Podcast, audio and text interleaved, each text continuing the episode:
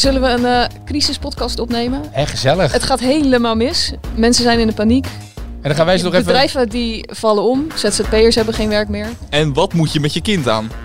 Nou, dat vind ik nou Dat een vind ik goeie. een goeie, Rick. Dat vind ik nog belangrijk, want hier gaan we, Kira begint gelijk met, met iedereen in de put praten. Nee, daar gaat het niet om. Het gaat erom, wat moet je als ouder met je kind als een school blijft vastzitten in haar gedachtegoed? Dat Ik is pas benieuwd. echt crisis. Wat voor crisis jij dan ervaart. Ga ik je allemaal uitleggen. Hij is het Jen Voef. Zij is Kira van Leeuwen En hij is Rick de Jong. en dit is een nieuwe Anders Denken podcast. Ik hoorde dat je laatst ergens tegenaan eh, liep in deze coronacrisis. eh Etienne, wat was dat? Eh, het niet creatief zijn op eh, scholen in het onderwijs. Ja, ze, ze zaten behoorlijk vast in een, eh, Nou- hun, eh, normale denkpatronen nog steeds. Laat ik het voorbeeld geven. Mijn dochter is vier jaar, is een kleuter. En eh, ik zou je zeggen dat ik als vader nooit echt in de onderwijsbelevingswereld van een kleuter heb gezeten. En ik weet ook echt mijn god niet meer wat ik deed toen ik vier was. Dus ik zie elke dag als ik op, in de klas binnenkom al die bordjes van wat ze die dag gaan doen. Daar staat dan Engels en daar staat dan SEO. En dat is dan gevoel, Rick, voordat je denkt dat het eh, gaat om zoektermen op internet. Ehm, en het gaat over spelen leren werken. En ehm, je, je hebt dan gelijk een associatie voor jezelf in je hoofd van een jaar of zeven, acht, hoe je met woordjes begint te leren. En, en dat, is, dat is mijn referentiekader. Maar ja, daar is dus ons kind nog niet aan toe. Dus wij zijn nu met thuisonderwijs bezig. Dus je moet je kind thuis Ja, hoe, hoe entertainen. heb je dat al gedaan in de afgelopen twee weken? Nou, het schijnt dat we haar op niveau drie, eh, groep 3, 4 hebben lesgegeven de afgelopen weken. Dus dat werd, Aan ja, het einde van deze crisis, dan gaat ze al meteen door naar de universiteit. dat Dus, zou, eh, dat zou tegenvallen als dat niet gebeurt, zeg maar. Maar het grappige is dus, doordat dat, dat gebeurde, omdat je, je wordt geconfronteerd met een situatie dat je kind ineens thuis zit. En dat je dat kind eh, eh, thuis moet gaan lesgeven. En dat je iets anders moet gaan doen dan wat je normaal altijd deed. Ehm, dus wij proberen daar ons beste manier voor te doen. Maar school stuurt alleen maar mailtje één keer per week met een schoolkrantje. En ouders doen het fantastisch en geweldig. Maar wat een kleuter nou moet doen, dat geven ze niet door. Dus groep 3, 4, 5 wel. En mijn schoonzus is lerares op een basisschool. En die heeft elke dag contact met die leerlingen via FaceTime en dat soort dingen. Maar wij dus niet. Maar hoe weet je dan dat je op niveau 3, groep 3, Dankzij, onze, dankzij mijn schoonzus. Mijn schoonzus die zei op een gegeven moment tegen mijn vriendin van... die joh, greep in. Die Nee, die, we hadden een gesprek erover. Die zei, joh, maar jongens, wat jullie nu doen, dat is echt groep 3. Dus dat is misschien niet heel handig. Ik vond het ook gek dat ze de stelling van Pythagoras nog niet kenden. Maar goed, ik heb het nu uitgelegd. En wortel trekken kan ze inmiddels ook. En niet alleen eten. Dus dat op zich, weet je, zitten er wel voordelen in van deze homeschooling. En waar, dus ik ging erover nadenken. Ehm, en dan zie je dus, kijk, je bent de hele dag niet, als je bij een kinderdagopvang bent, een dik- kinderdagverblijf waar je je kind voor vier naartoe brengt, dan krijg je te horen, dit hebben we gedaan, dit hebben, dit is allemaal Ja. spelen. Ik kan je zeggen, eh, mijn kind die eh, zou een aantal weken geleden voor het eerst gaan. Die is dus nog niet eh, gegaan. Maar ik krijg dus nu al in de mail elke week zo van, eh, hoe is het met jullie? Dit zijn oefeningen voor 0 tot 2 jaar die je kan doen. Nou is die zeven maanden, dus het kan nog niet heel veel Nou, van die is wel 0 oefeningen. tot 2 jaar. Maar Ja. ik weet wel in ieder geval, eh, mocht het nog een keer voorkomen, of je- dat je in een vakantie zit of, eh, of wat dan ook, dat je dus zelf eh, een aantal dingen gewoon Nou, kan ze sturen wel dingen door. Alleen de vraag is, wat is het referentiekader? Dus we krijgen een mail van een of ander kleuterportaal online.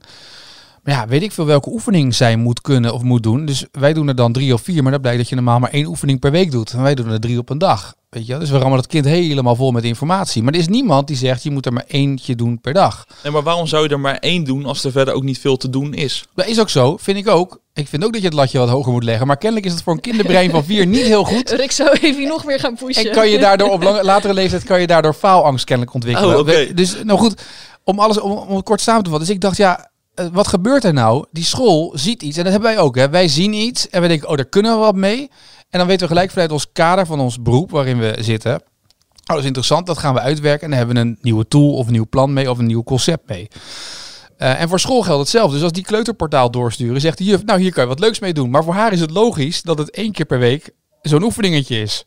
Maar voor ons niet. Dus als wij dat doen, zien we, oh, gaan we dat doen, gaan we dat doen, gaan we dat doen. Ja, je kent het verhaal erachter niet. Nee, dus eh, en omdat dat niet gecommuniceerd wordt, omdat scholen, heb ik nu al een paar keer gemerkt, hebben een ontzettende beperkte communicatie. Dus die communiceren via een nieuwsbrief naar buiten, maar communiceren heel weinig. Terwijl kinderdagopvang doet dat wel. Die communiceren met jou na afloop van een dag, maar scholen doen dat niet. Je haalt je kind op en Mhm. we gaan weer door, weet je wel. Dus eh, het interessante is dat die scholen heel erg in hun eigen kringetje blijven en niet innoveren. Dus ik heb een mail gestuurd ook eh, naar de school en gezegd, jullie moeten eh, volgens mij niet bezig zijn met hoe het kind zich ontwikkelt, maar met de ouder. Want je staat voor een nieuwe situatie. Niemand van ons heeft onderwijservaring. Niemand van die ouderen, mis- misschien een paar. Dus je zal die ouder moeten, moeten begeleiden in hoe die dat kind niet overvoed. Het is heel leuk dat de directeur een mailtje stuurt, maar doe vooral niet te veel. Ga gewoon lekker bakken. Ja, duh, dat had je drie weken geleden moeten schrijven, pannenkoek. Dat is een beetje waar ik denk, pas dat nou eens aan. Maar ze zitten in een cirkeltje, we sturen een oefening door en hebben we gedaan wat we moesten doen. Nee, je moet met die ouders contact houden. Bijkomend voordeel daarvan trouwens, vind ik, eh, maar daarna eh, hou ik hierover op, is dat als je contact maakt met mensen op deze manier via FaceTime, nu is een kans om, om een, een plantje te, eh, een zaadje te planten bij die ouders, dat ze wat voor jou gaan doen op lange termijn. Dus begeleid die ouders op de kleuterklasse en daarna ook goed. Als je straks wat van ze nodig hebt, als het nieuwe schooljaar ingaat, want pas dan gaan ze ongeveer naar school, denk ik. Dan staan ze, zijn ze eerder bereid om vrijwilligerswerk voor jouw school te doen. Maar wat ik niet zo goed begrijp, en dat zie ik ook eh, bij mijn vriendin, die zit op de hogeschool. Wat doen die docenten nu de hele dag? Die basisschool, eh Dat ook juffrouws en die docenten van de hogeschool. Nou, schoolkrantje Ze- maken van de klas. Hartstikke maar leuk. je, je hebt meerdere, meerdere meesters en juffen, toch? Ja, ja, denk- maar, ja. ja, maar vanaf Dus- groep drie volgens mij doen ze wel wat. Hè? Daar worden wel wat dingen in de gaten gehouden. Ja, maar dan kan je gewoon zeggen, ga gewoon spelen met je kind, toch? Ja, dat zou je kunnen zeggen, ja. In principe, want eh, ik weet nog wel wat dingen van toen ik die leeftijd had, maar ik heb niet een voor jou, taalwerk. voor ik jou, heb, voor ik jou korte heb geen geleden. hè? taalwerkje gemaakt hoor. Ik heb de muur, ik heb de muur bekleurd, maar meer, eh, meer ook niet, zeg maar. Dat verklaart ook een hoop. Ja, Ja, het is wel interessant om te kijken. Dus zij doen natuurlijk gewoon dingen zoals ze altijd al hebben gedaan. En dan in deze eh, eh, crisis van hè, dat er corona is en je niet meer naar school kan. Dat vraagt iets anders van je als organisatie. Eh sommigen die schakelen daar eh, snel in. Een, een eh, leraar op de middelbare school die gewoon een YouTube kanaal opent en eh, economielessen of geschiedenislessen gewoon gaat geven. Waarbij eh, vervolgens ook heel Nederland meekijkt. Ehm, maar de basisscholen, dat is dan wel een uitdaging voor jou Maar dan de komende niet gewoon- weken. misschien gewoon een rol voor NPO 3. Daar heb je ZEP en allerlei eh jeugd, dat is een beetje het jeugdkanaal, zeg maar, wat gesubsidieerd wordt door de overheid. Ik denk dat Kan je niet veel, gewoon eh, per uur voor kind daar iedere dag een les op doen, dat je dat gewoon massaal voor Nederland doet in deze periode? Ja, dat, dat zou ook kunnen. Dat je het gewoon weghaalt bij de scholen, want die weten dus blijkbaar niet wat ze ermee moeten. Nou, maar ik vind dus dat scholen. Dus dit is nou juist een moment. Als je nu de tijd en ruimte hebt. We hebben heel vaak in training ook dat hogescholen zich inschrijven. om mee te doen bij onze training het creatief denken. En dan zeggen ze allemaal: Oh ja, nee, komt toch niet uit. We hebben toch geen tijd. Weet je wel. Er komt toch ineens. eh, dat is niet omdat Tante Annie moet afdansen. maar omdat ze eh, compleet geen tijd hebben met dingen nakijken. en in de waan van de dag zitten. Die waan van de dag is nu weg. Ja. Dus vind jezelf als school nou opnieuw uit. En ga niet alleen maar communiceren hoe geweldig iedereen het doet. En fantastisch. En maak een schoolkrant. Hartstikke leuk. Plakken en knippen en knutselen. Top. Leuk. Als je dat leuk vindt, doe dat. Maar, maar zorg nou dat je begeleiding... Ik heb, ik heb volgens mij tegen Kira was verteld... de eerste avond dat wij een kennismakingsavond hadden op school... toen zat mijn dochter al een week op school. En toen ging de juf vertellen wat ze allemaal in de klas doen. Nou, dit, dat, zus, zo, bla, bla, bla. En een sneltreinvaart er doorheen. En op het laatst... eh, oh ja, we zoeken ook nog vrijwilligers. Hiervoor, hiervoor, hiervoor. Wie wil? En al mijn nekharen gaan overeind staan. Want niemand, je kent die mensen nog niet. Weet je, we zitten daar de eerste keer. Dus als je nou al zoveel vrijwilligers zoekt en zoveel handjes zoekt, rijmoeders, eh, bibliotheekouders, eh, mensen voor crea-dagen en dat soort zaken. Dat doe je niet op die eerste week, als wij gewoon informatie krijgen over school. Maar dat doe je op het moment dat je contact maakt met ouders. Dat doe je in een maar 10 alsof die mensen al nodig zijn, alsof je een luizenmoeder nodig hebt in de eerste week. Maar om Ja, even nee, voor, deze, later, voor later wel trouwens. om deze periode dan eh, te betrekken. Je riep in het begin van eh, betrek deze ouders dan juist op een andere manier Ja. in deze periode. Ga facetimen. Ga- gaan ze op deze manier jou ook dan eh, zover krijgen als ze jou de komende drie maanden goed persoonlijk verder helpen met, eh, met Evie? Dat jij eh, in oktober dadelijk eh buffen staat te bakken in... eh, Nee, maar dat zou best kunnen. Ik, ik maak geen, ik zou, dat zou best kunnen. Als jij het nu goed aanpakt en goed communiceert met die ouders. En laat zien wat er nodig is, wat je nodig hebt. En als je vervolgens ook gewoon jezelf opnieuw uitvindt. En inderdaad elke dag een 10 minuten gesprek hebt met een ouder. Of één keer per week. Eén keer per week is voldoende. Ja, Hoeveel minuten. moeite is het om een kwartier of een half uur van je tijd. Als, je zit toch de hele dag niks te doen als docent. Sorry, maar is wat doe je als kleuterdocent? Is, is ons aanname. We kunnen Nee, maar ook vragen wat- aan onze luisteraars of daar een eh, basisschooldocent Wat doet een die- kleuterdocent nu? Leg mij uit wat een kleuter. Je hoeft geen rapporten na te kijken, je hoeft geen huiswerk na te kijken. Wat doe je de hele dag? Ik denk niet dat wij Een ooit nog kleuterdocenten in de training hebben. Nee, maar een goe- een goede vraag. Nee, maar is toch dat, Normaal zegt een ouder, dus een kleuter speelt in de hoek. En dan gaat een docent op afstand kijken hoe de interactie is en wat een kind leert. Dat is, heb ik nu geleerd, hè? Ik leer veel deze weken. Maar zeg ik denk dan, dat onze trainingen creatief denken heel anders uit gaan zien. maar ga dan, oktober. ga dan gewoon eens kijken. Weet je, als je dat nou doet, ruim eh, een kwartier in. Doe twee dagen van de vijf dat je met alle ouders contact hebt. Hoe moeilijk is het? Maar we doen het nooit. En omdat we het nooit gedaan hebben, doen we het niet. We blijven ons Ja, eigen of, maar, of, zijn of, er- of verbindt die ouders onderling ook met elkaar eh, op een bepaalde manier. Dat als iemand iets verzint of iets heel leuks doet, dat gebeurt al in de app. kan Maar de ouders doen dat al in de app. Dus de ouders delen al alle dingen die gedaan worden in de app. In, in zo'n familie, in zo'n appgroep van, van de klas. Dus daar gebeurt het al in. Maar dit is dus jouw verhaal, eh, op basis van jouw ervaringen, deze school. Ik Eh, denk dat we af- onder heel veel reacties krijgen van mensen. Echt waar. Ik vraag me af of er basisscholen zijn in Nederland die dat dus inderdaad op een hele andere manier aanpakken. En wel die 10 minuten gesprek. Laat het ons weten. Info at starttocreate.nl als je het anders aanpakt. Echt waar. Ik ben echt heel benieuwd. Want ik denk echt dat heel veel scholen in dat bubbeltje blijven zitten. In dat kokonnetje blijven zitten. Met kleuters vooral. Vanaf groep 3, 4 geloof ik wel dat je huiswerk hebt en woordjes moet leren. Dat schijnt pas vanaf dro- groep 3, 4 te zijn. Dus dan weet je dat dat was. Oké, dus ik hoef nu met zeven maanden er nog niet mee te beginnen. Nou, stel je voor Pythagoras kan je Oké, gewoon alvast ja, inbouwen bij zeven maanden.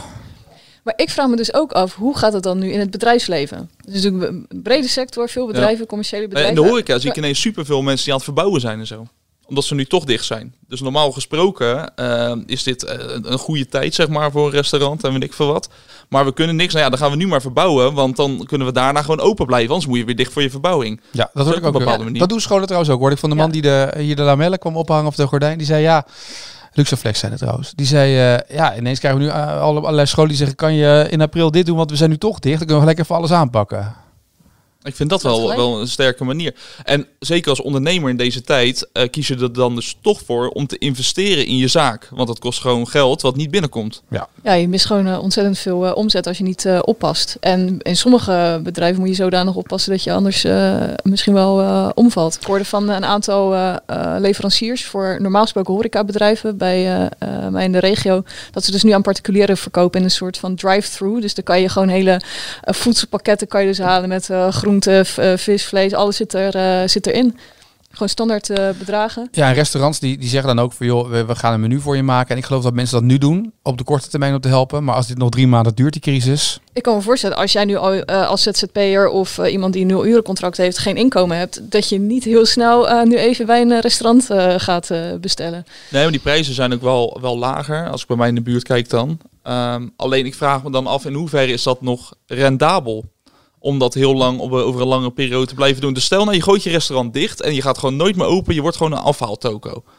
Dat kan. Ja. Alleen zijn jouw gerechten en is je kaart dan nu zo ingericht dat je dat vol kan houden en dat dat eh, gaat werken in de buurt. Nou ja, zakelijk zit er wel één haakje. Oh, oh, als je omzet maakt, verdien je geld. Dat betekent dus dat je ook niet 90% van je salaris van je personeel dat thuis zit vergoed krijgt. Nee. Dus dat is natuurlijk, je krijgt 4000 euro van de overheid als restaurant. Als je je zaak wil open houden, sowieso. Dat krijg je als, als tegemoetkoming. Maar je hebt nog steeds personeelskosten. Ik begrijp wel ineens waarom ze maar twee dagen van de week open zijn. Zou dat met die 90% te maken Ik denk het hebben? wel. Want als je namelijk gewoon te veel geld verdient, te veel omzet pakt, dan is het alleen maar om de huur te betalen.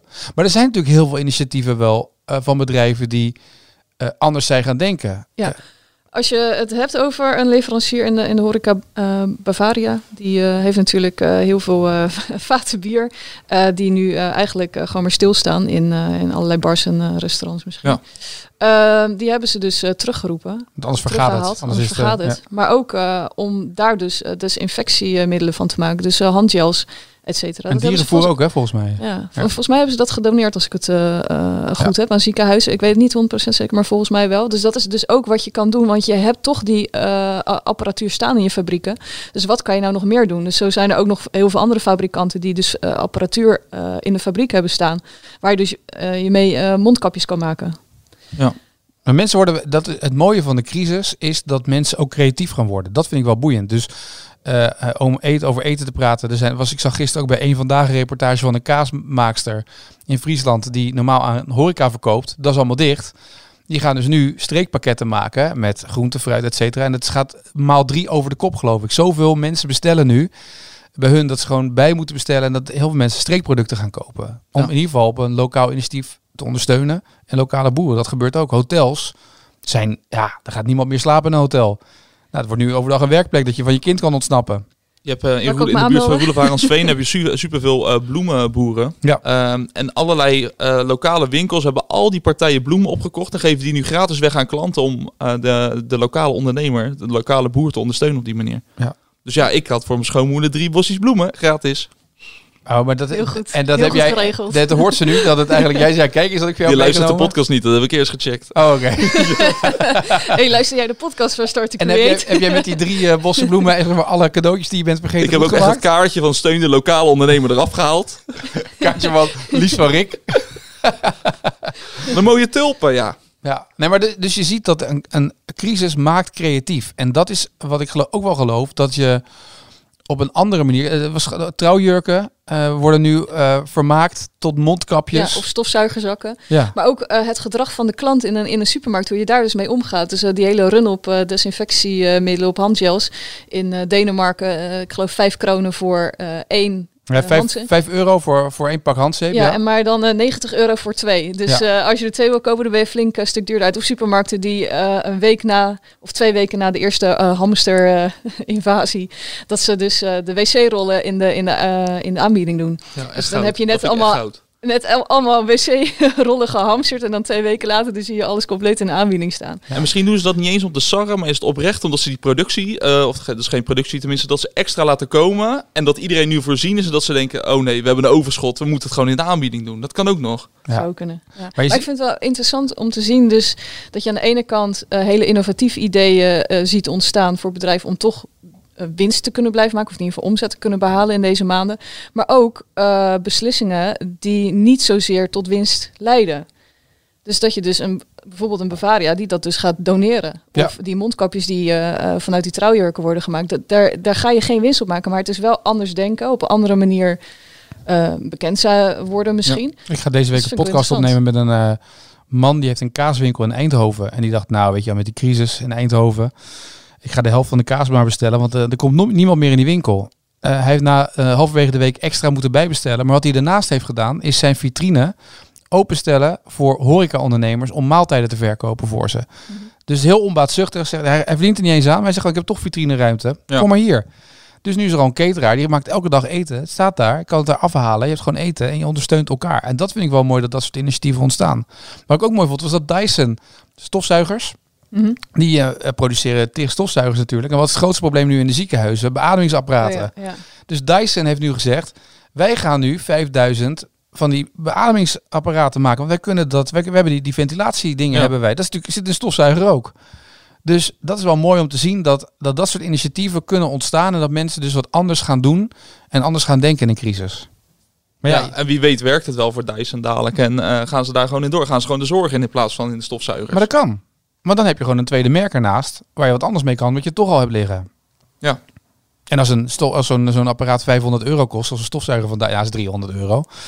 Maar dan heb je toch een redelijk goedkope... Ja, en het werkt ook gewoon goed aan je merksympathie natuurlijk. Jij vertelt dit verhaal nu. eh, het is mooi dat ze dat doen. Ze doen het niet eh, vanuit de winstoogmerk in eerste instantie. Zouden bedrijven erover nadenken, denk je? Dat ze denken, ah, zo'n Swinkels, die dan denkt, we gaan dat bier terughalen en we gaan maken desinfecterende zeep van. Zou dat bewust zijn ook qua nou marketing? ja, ze maken er... Eh, weet je, uiteindelijk eh, komt het wel de wereld in. Ik denk dat ze dat wel doen. Ik, denk, dat, ze daar echt over nagedacht eh, hebben. Een slimme marketingstratege hebt eh, zitten daar. Maar ik, ik, ik geloof ook wel zeker dat je als CEO misschien bedenkt van ja, weet je, de hele productie ligt stil. eh, laat ik in ieder geval iets doen. Zeker, maar het is ook terecht. Hè? Ik bedoel, als je het doet en het leed iets op, waarom zou je niet als bedrijf laten zien dat je het doet? Ja. Dus geen reden voor om het niet te doen. Want uiteindelijk is de basis dat die mensen geholpen zijn. Er zijn, met- het mooie is dat deze crisis gaat nog, ik denk 20, 30, 40, 50.000 mooie verhalen opleveren. Van bedrijven die compleet anders zijn gaan denken, anders zijn gaan doen om dingen op te lossen. Weet je, Ja. dat, is het, dat is het mooie eraan. Ik nou, de basisscholen echt- nog. Ik Ja. ben ook ja, nu de basisschool nog.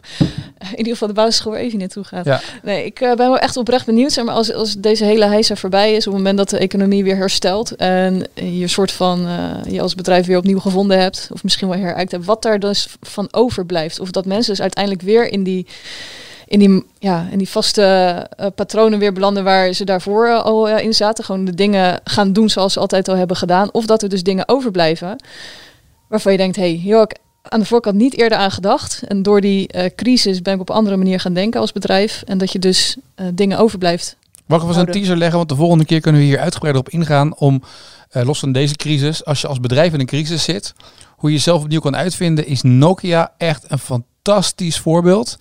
En we moeten het volgende keer maar eens over hebben, hoe Ja. die van de mobiele telefonie diepe crisis, van, van, van top of the world, diepe crisis naar opnieuw uitvinden zijn gekomen. Ja, en volgens mij zit er zelfs nog een stap voor, voor die mobiele eh, Ja, telefonie. klopt. Ja. Ja, dat is Maar goed, bizar. daar gaan we het eh, volgende keer in de podcast over hebben als voorbeeld van anders denken. cliffhanger. Nou ja, toch? Ja.